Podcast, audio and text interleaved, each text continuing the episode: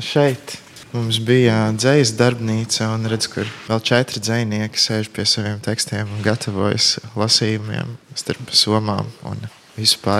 Interneta žurnāla Satorija redaktors un projektu vadītājs Andrejs Vīksna ieveda balvu novada Upītas nemateriālās kultūras mantojuma centra priekštelpā, kur aizvadītajā nedēļā norisinājās Satorija autoru nometnes dzējas meistarklase. Ir svētdiena, nometnes pēdējā diena, un tās dalībnieki vāc savas mantas un kravā somas mājupceļam. Paralēli viņi gatavojas publiskajiem lasījumiem, kad klātesošie varēs dzirdēt viņu nometnē tapušos prozas, dzējas un esejistikas darbus.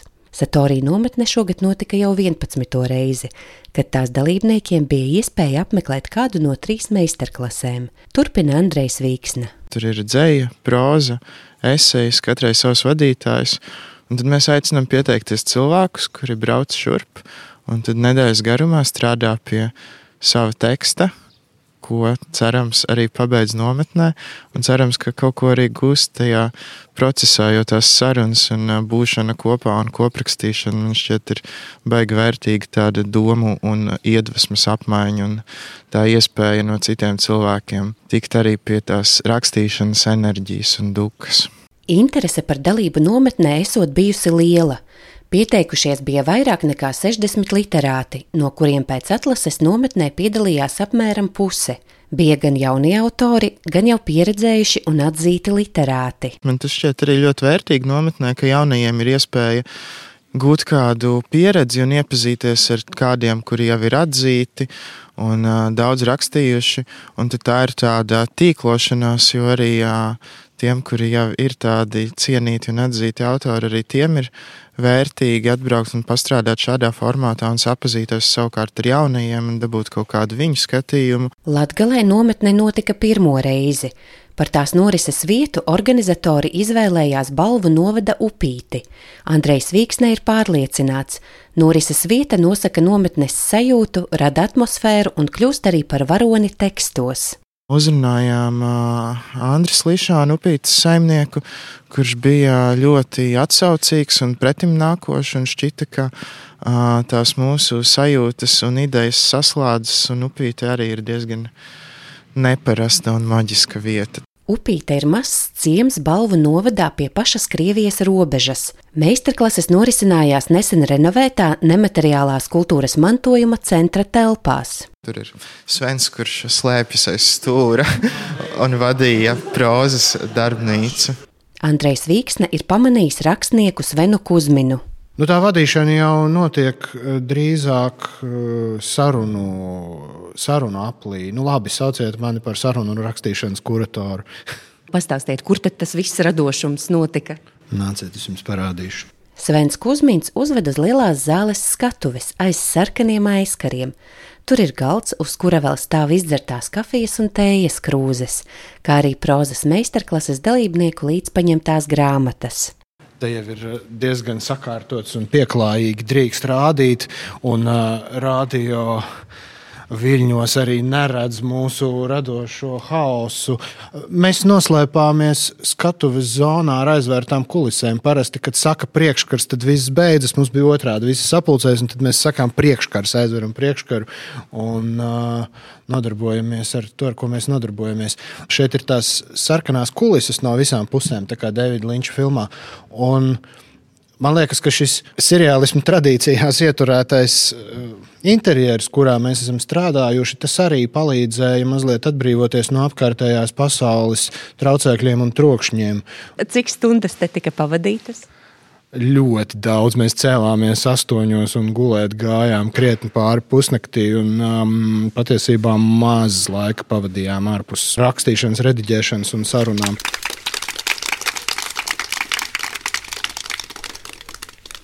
Labdien, esmu Māsma Perāns.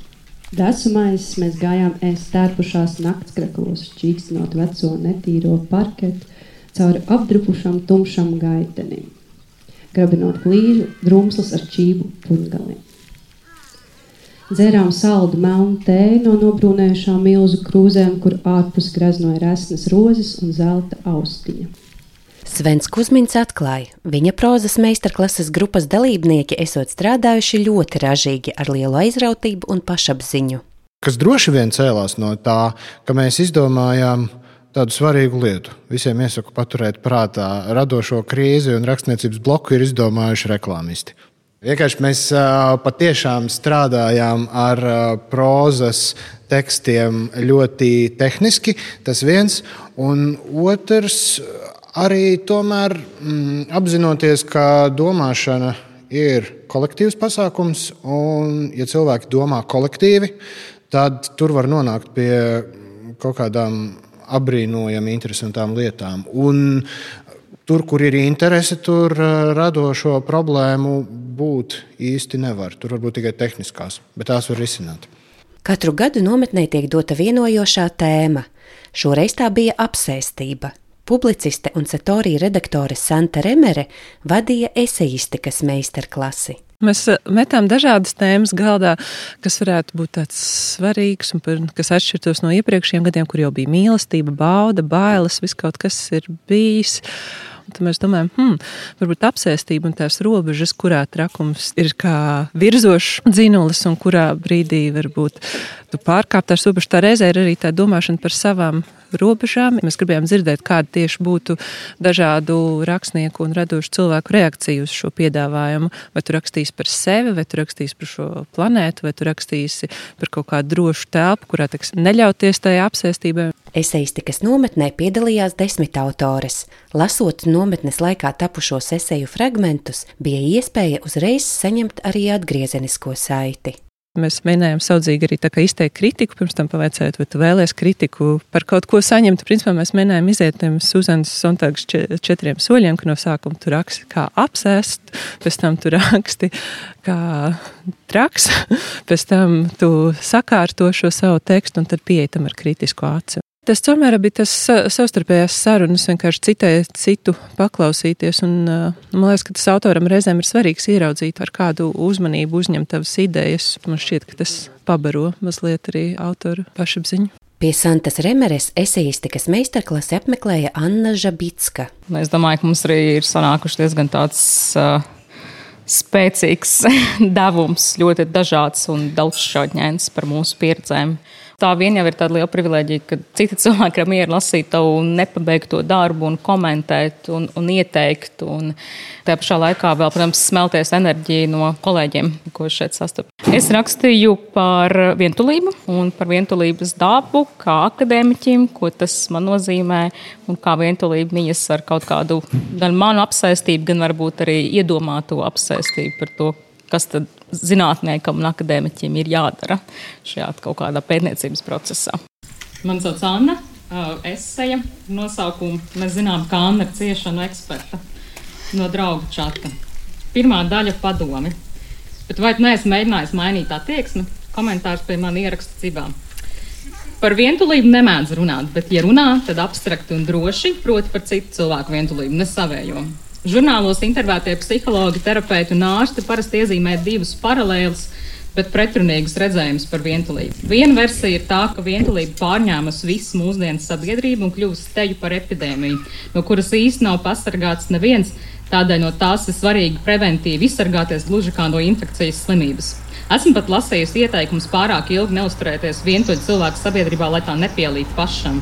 Divas literātes žurnāla Satorija autoru radošajā vasaras nometnē šogad bija arī no Latgales. Viena no tām bija dzēniece Ligija Purinaša. Ka mēs porstovam uh, reģionu un uh, latgaliešu rakstu valodu arī. Lai gan es darbojos dzīs lauciņā, porcelānā, tad šoreiz izdomāju pamēģināt kaut ko jaunu, un es izvēršu esejas tikai. Un, un, nu, diezgan lielā mērā es nebiju pieskaroties arī latgabalas narratīvam.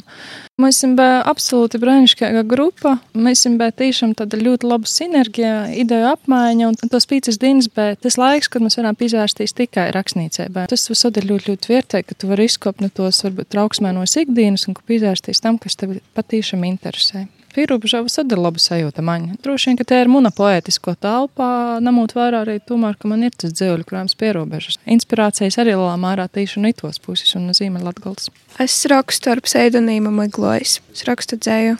Latgaliešu autore, kas neatklāja savu identitāti, apmeklēja dzējas meistarklasi. Bija diezgan grūti cilvēkiem pīzelāgot pie to, ka viņiem jau klausās latgaliski. Man arī bija nedaudz brīžiem grūti, ka man viss ir jāskaidroja, jo iegulda lalogs darbs, lai mani saprastu, bet beigās man ir tāda sajūta, ka Vismaz es esmu likusi cilvēkiem padomāt vairāk par latgaļisku, vairāk izdziļināt, kas ir latgaļiskais, kas ir svarīgs.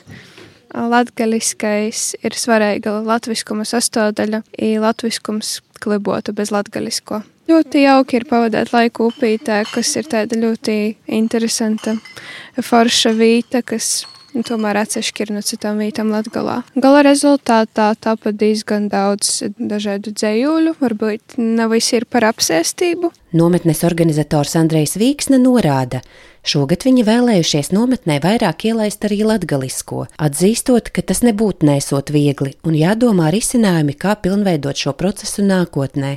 Mēs ļoti gribējām šogad uh, ielaist vairāk iekšā to latgāles uh, literatūras ainu un kontekstu, jo latviešu raksturošie autori un latviešu raksturošie autori tas ir kaut kādā veidā izveidojies kā divas atsevišķas vidas, kuras krustojas pārāk maz, manuprāt. Un, uh, tad mums pašiem tas ir aizvien tāds uh, eksperiments. Mēs tā taustāmies, mēģinot saprast, kā šīs vidas veiksmīgāk sapludināt uh, kopā, kā arī uh, cilvēkiem, kur ikdienā nerunā un nelasa latgaliski, kā viņi var pieslēgties šim tekstam un izteikt savu kritiku vai vērtējumu par to ir pavisam noteikti vajadzīgs vairāk laika. Tev ir vispirms jāsaprot, kas ir noticis. Un skaidrs, ka autoram tā ir kaut kāda nērtība un slodze, ka viņam lūdz skaidrot to savu tekstu. Un tā ir tā vieta, kur ir, manuprāt, jāpielāgo tā darbnīca norise turpmāk. Nometnē bija arī dzinieka un literatūras zinātnieka Valentīna Lukaševiča lekcija par latviešu valodas izmantošanas iespējām latviešu tekstos.